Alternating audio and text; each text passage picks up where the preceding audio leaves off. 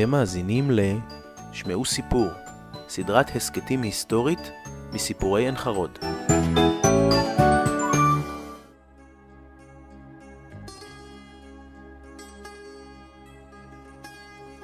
ליד ביתם של שלמה ורחל קובו עמד כלוב תוכים גדול, שטופל שנים רבות על ידם, והיה מוקד משיכה לילדי הקיבוץ. רחל, בקולה העדין, מספרת סיפור של ילדה בת 11 שנים. חדי האוזן יוכלו לזהות את צפצופם של שוכני הכלוב המלווים את רחל בסיפורה. ההקלטה נערכה בשנת 1982 על ידי אברהם מנחמי. אני רחל קובו, נולדתי ב-1928 ביוון, באי קורפו. היינו שבעה ילדים, היה לנו בית מסורתי, בית חם, בית טוב, ההורים היו מאוד אוהבים, עד שהגיע ב-39, שהתחילה מלחמה בין איטליה ליוון, ואז עזבנו את הבית וברחנו לכפרים להסתתר. המקום, קורפו, הוא היה מקום מקסים. תמיד היינו הולכים לטייל, באופן מיוחד ביום שבת, שאבא לא עבד, החנות הייתה סגורה. אני זוכרת זיכרונות יפים מאוד, והיינו במקלטים איזה שבוע ימים, עד ששוב ברחנו לכפרים ועזבנו את הבתים שלנו, ואני לא אשכח אף פעם את ההפצצה הראשונה שהייתה הגרמנים. איך זה, זה היה בלילה, בערך באחד, התחילו לשרוף את כל האי קורפו. הפצצות עם אש, וכל העיר בער. עד שאחותי הלכה, היא לקחה איזה עגלה, הימשנו כמה דברים מהבית, ושוב ברחנו לכפרים, ואחרי איזו תקופה של סבל נוראי, הגרמנים תפסו אותנו, את כל, כל היהודים, והכניסו אותנו לאיזה מבצר גדול, סגרו אותנו ושלחו אותנו לאושוויץ. נסענו עשרה ימים, היינו בכל קרון מאה מאה איש, לא היה לנו אוכל, לא היה לנו מים, את כל הצרכים שלנו היינו עושים את זה בתוך קופסה והיינו שופכים דרך החלון שהוא היה עם חוטי תיל ואפילו לידה ראיתי ברכבת. היינו אחד ממש על השני, הסבל היה איום ונורא. כשהגענו לאושוויץ הורידו אותנו מהרכבות, חילקו אותנו, לקחו את הצעירים לחוד ואת המבוגרים לחוד. מי שהחזיק ילד ביד שלו, אפילו שהוא היה צעיר, הוא הלך ישר לקלימטוריום. ומי שהיה לא החזיק ילד, הלך למחנות עבודה. באותו הערב שהגענו לאושוויץ, אני זוכרת שהפרידו אותנו מההורים, הכניסו אותנו לאיזה בניין גדול, ואמרו לנו ישר להתפשט. ואת כל זהב שהיה לנו, היינו צריכים לשים את זה על השולחן, ומי שלא רצה להתפשט, אז קיבלנו רק מכות מהגרמנים. הורידו לנו את כל השערות, והכניסו אותנו למקלחות. עם מים קרים. התרחצנו שמה, וישר עברנו איזה אינפקציה. כן. והחומר הזה נשפך על, ה... על הגוף ונורא שרף לנו. אני זוכרת שאני ניסרתי עם אחותי. באותו הרגע לא הכרנו אחד את השנייה. ממש לא הכרנו אחד את השנייה. היינו בלי שערות, ערומות עד הבוקר, ובבוקר באו הגרמנים והוציאו אותנו החוצה, ובאו כמה גרמנים, רופאים, ועמדנו בשורה, ושם עשו סילקציה. חלק לקחו ישר לקלימטוריום, מי שהיה יותר מבוגר, ואותנו, הכניסו אותנו לאיזה צריף. נתנו לנו איזה שמלה, זה היה התלבושת שלנו, רק שמלה. למחרת שלחו אותנו לעבוד. עבדנו, אני זוכרת את עצמי שאני עבדתי באיזה נער והיינו חותכים עצים עם הכוס ועם משורים גדולים. אוכל בכלל לא היה, רק פעם אחת ביום היה לנו קצת מרק עם חתיכה לחם, כמו נייר היה דק, עד שלא היה לנו כוחות להתהלך. היינו כל בוקר קמים והיינו עומדים בשורה שהיה עוד חושך, הכוכבים עוד היו על השמיים, היו באים הגרמנים וסופרים אותנו אם אנחנו לא, מישהו לא ברח. המחנה היה איום ונורא, אפילו את המים אי אפשר היה לשתות, היה מלא חלודה, נתנו לנו איזה צריף שהיה קוראים לו בלוק, המיטות היו בתוך הקיר שהיינו ישנים שמונה בחורות על כל תא כזה וכל כך צר היה שהיינו ישנים אחד מהראש, אחד מהרגליים, אחד מהראש, אחד מהרגליים ורק שתי שמיכות, אחת למטה, אחת למעלה והשלג היה איזה מטר וחצי גובה. אחרי איזה תקופה שעבדתי בבירקנאו, אה, באושוויץ ובבירקנאו, העבירו אותנו לבלגיה בזן. בבלגיה בזן, שמה הלכנו שלושה ימים ברגל, הגענו לאיזושהי נקודה, והיה מאוד קשה כי כבר לא היה לנו כוחות, היינו כל כך רזות, שלא היה לנו כוח ממש ללכת. בבלגיה בזן עבדתי שמה באיזה בית חרושת. אני זוכרת את היום הראשון בבלגיה בזן. הכניס אותנו לאיזה צריף, זה איזה אוהל, אוהל גדול, ופתאום התחיל גשם ורוח, והאוהל הזה נקרע לחתיכות, ונשארנו מתחת השמיים. איזה רוח, איזה גשם, עד הבוקר. אני זוכרת כמה אנשים מתים היו שם.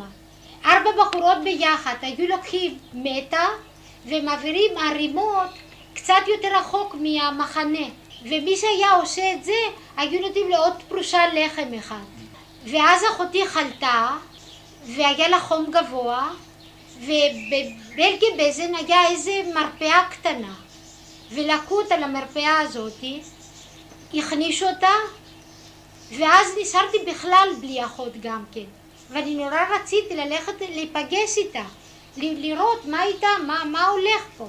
ואני זוכרת שמצאתי איזה חתיכה שמטס, שמתי ברגל שלי כאילו שאני גם חולה, כי כל בוקר היו אומרים אמבולנס, אמבולנס, ללכת למרפאה. אז אני גם עשיתי את עצמי שאני צולעת, שאני גם הולכת למרפאה, ופתאום איך שאני עומדת בחוץ על הצריף הזה, איפה שהמרפאה הזאת הייתה, אני רואה את אחות שלי בצורה איום ונורא זה היה. יום אחד שהייתי אצל אחותי, ששוב הייתי אצל אחותי, שכחתי את עצמי אצלה ולא חזרתי יחד עם כולם באותו הזמן. וכשרציתי לחזור לצריף שלי, הייתי צריכה לעבור איזה שער שהייתה שמירה חזקה שם של גרמנים.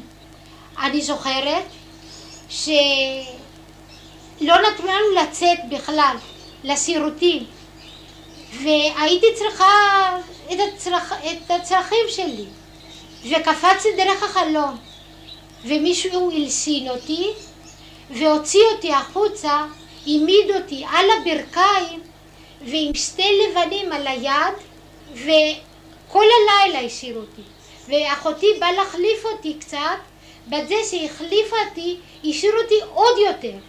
נתנו לי אונס והשאירו אותי עוד יותר זמן. אחותי הייתה עוד בבית הח... במרפאה הזאתי, באו הגרמנים והוציאו אותנו החוצה, היינו, עמדנו בשורה חמש חמש והם רצו לשלוח טרנספורט לאיזשהו מקום אחר. והם באו והתחילו לספור חמש, עשר, חמש, עשר. ובדיוק בחמישים אני הייתי.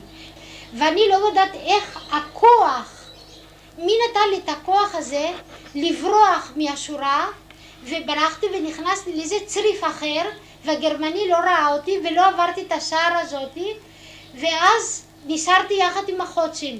אחרי איזה תקופה שהיינו בבלגיה בזן העבירו אותנו למחנה אחר שקראו לו גלנאו ושם עבדתי באיזה בית חרושת שהיה עושה נשק היו שלושה משמרות, משמרת בוקר, משמרת צהריים ולילה. המחנה הזה היה קטן ושם חלינו כולנו בטיפוס. היו גם אה, איטלקים גויים, לא רק יהודים. והם היו מספרים לנו שהנה מתקרבת הסוף של המלחמה. אבל בכל זאת הגרמנים לקחו אותנו למחנה אחר. הגענו למטאוזן.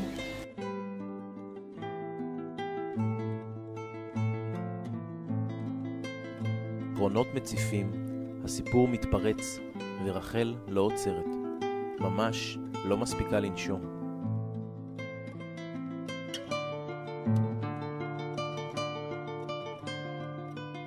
הגענו בלילה, כן, והורידו לנו את השמלות וחיכינו להיכנס לקלימטוריום.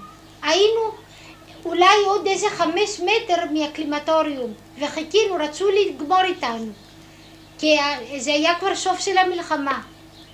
ופתאום בלילה רואים שכל הגרמנים נעלמים ובאים טנקים עם דגלים לבנים בבוקר אנחנו רואים שאין גרמנים, הגרמנים נעלמו ועברו עוד טנקים שזרקו לנו קופסאות של אוכל. מי שתפס, תפס, ומי שהיה יותר חזק ואכל את האוכל הזה, לא, לא החזיק הרבה שעות. התנפח ומת. ואני הייתי מאוד חולה, ואחרי עשרה ימים שלא היה לא גרמנים ולא אף אחד, הטנקים האלו היו הרוסים שהגיעו, והם נעלמו. אבל אחרי עשרה ימים הגיעו האמריקאים, ואז הם קיבלו אותנו לידיים, העבירו אותנו מהמחנות, העבירו אותנו לאיזה בתים של הגרמנים, והתחילו לאט לאט לתת לנו אוכל. אחרי איזה תקופה שהתחלנו להתאושש, אז באו הבריגדה ושאלו אותנו לאן אנחנו רוצים להגיע. אני רציתי לחזור הביתה. אחותי לא. אני רציתי לחזור הביתה, כמובן רציתי לדעת אולי עוד מישהו ממשפחה חזר הביתה. בינתיים החלטתי לא לחזור ליוון, אלא לבוא ארצה. אני רציתי לעלות ארצה ואז נפרדתי מאחותי ולקחו אותנו לאיזה מקום אחר באיטליה בהכשרה וחיכינו איזושהי תקופה עד שבאו יום אחד ואמרו לנו להיות מוכנים לעלות ארצה. ובלילה זה היה באיטליה בנפולי באו בלילה ולקחו אותנו בשקט שהאיטלקים לא ירגישו שאנחנו עולים ארצה. בלילה לקחו סירות והאונייה הייתה רחוק ועלינו לסירות ובאנו לאונייה היינו אלף איש באונייה הזאת. לאונייה הזאת קראו לה ארבע חרויות והגענו, נסענו 11 יום באונייה. הגענו לחיפה וראינו מה מסית חיפה מרחוק ופתאום בא איזה אווירון ונתנו לנו הוראה לרדת כולנו למטה שלא יראו אותנו. ובאה האונייה, האנגלים הגיעו והתחילו לעלות לאונייה שלנו. ואנחנו זרקנו אותם, הבחורים זרקו אותם מהאונייה לים. אז הם ראו שקשה להם לעלות על, ה... על האונייה אז הם לקחו צינורות עם מים והספריצו לנו חזק ואנחנו, מה שהיה לנו, קופסאות של אוכל כל דבר שהיה לנו באונייה הכל זרקנו להם והיינו צורכים פלסטינה, פלסטינה. ואז באה האונייה שלהם על האונייה שלנו וכמעט הפכו את האונייה שלנו ואז כבר לא היה... ועשרה חבר'ה ברחו דרך שחייה. הכניסו אותנו, העבירו אותנו לאונייה של האנגלים, ממש כמו בית הסוהר.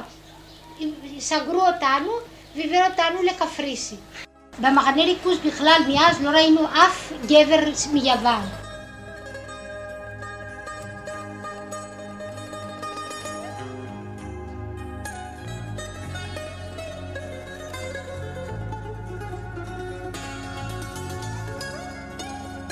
ופתאום כשהגענו לאיטליה הגיעו כמה בחורים מיוון ונורא שמחנו ושם הכרתי את שלמה לא היינו עוד חברים, אבל הכרנו, היינו ידידים.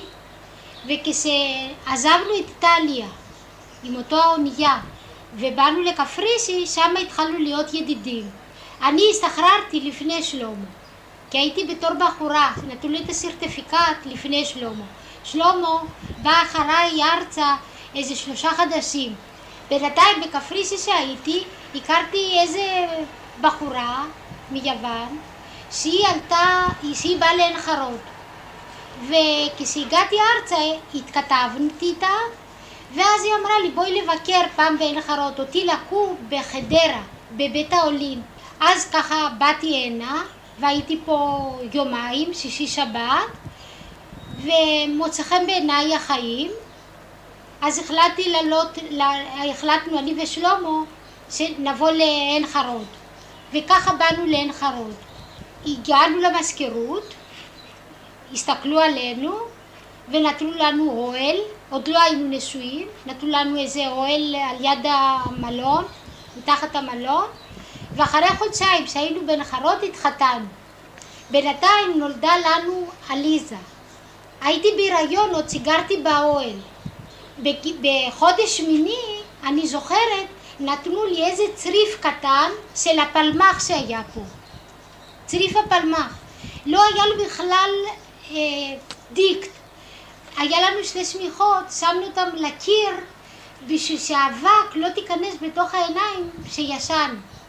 ושלום עבד בלול, ואני אז נכנסתי לעבוד אה, במחסן, כי הייתי בהיריון והרגשתי מאוד לא טוב. נתנו לנו את הצריף, בינתיים עליזה שלי נולדה, ונתנו לנו צריף אחר. הצריף האחר והצריף השני שקיבלנו, ושעליזה הייתה כבר בגיל שש, אז הוסיפו לנו איזה חתיכה קטנה שיהיה לה איפה לשים לה את המיטה. אחרי חמש שנים וחצי נולדה לנו בת שנייה, נתנו לה את השם דורית, והיינו משפחה נחמדה. בעין חרות הרגשנו שיש לנו בית חם. בינתיים כשדורית נולדה קיבלנו גם בית, לא צריף, אלא קיבלנו, לאט לאט קיבלנו גם בית. ובחמישים ושבע אז עברנו, ל... היה פילוג, ואז עברנו לגור בבית איפה שאני גרה עכשיו. מהמחנות נשאר לי, נשארה לי אחות אחת, עליזה שלי התחתנה ב-68 בעין חרוד, דורית שלי נולדה, ב... אה, התחתנה ב-74. נולדו לי מעליזה שלושה נכדים בינתיים, ומדורית יש לה יש לי נכדה אחת, ואני מקווה שעוד איזה, עוד איזה שבועיים יהיה לי עוד נכד. היא, דורית שלי התחתנה בתל יוסף, ויש לה בעל טוב, וגם לליזה. הן מאושרות, יש להם ילדים חמודים, ואנחנו משפחה מאושרת. האזנתם לפרק נוסף של סדרת ההסכתים שמעו סיפור, המביאה אליכם את הקולות, הדמויות והסיפורים מהעבר. נתראה בפרק הבא.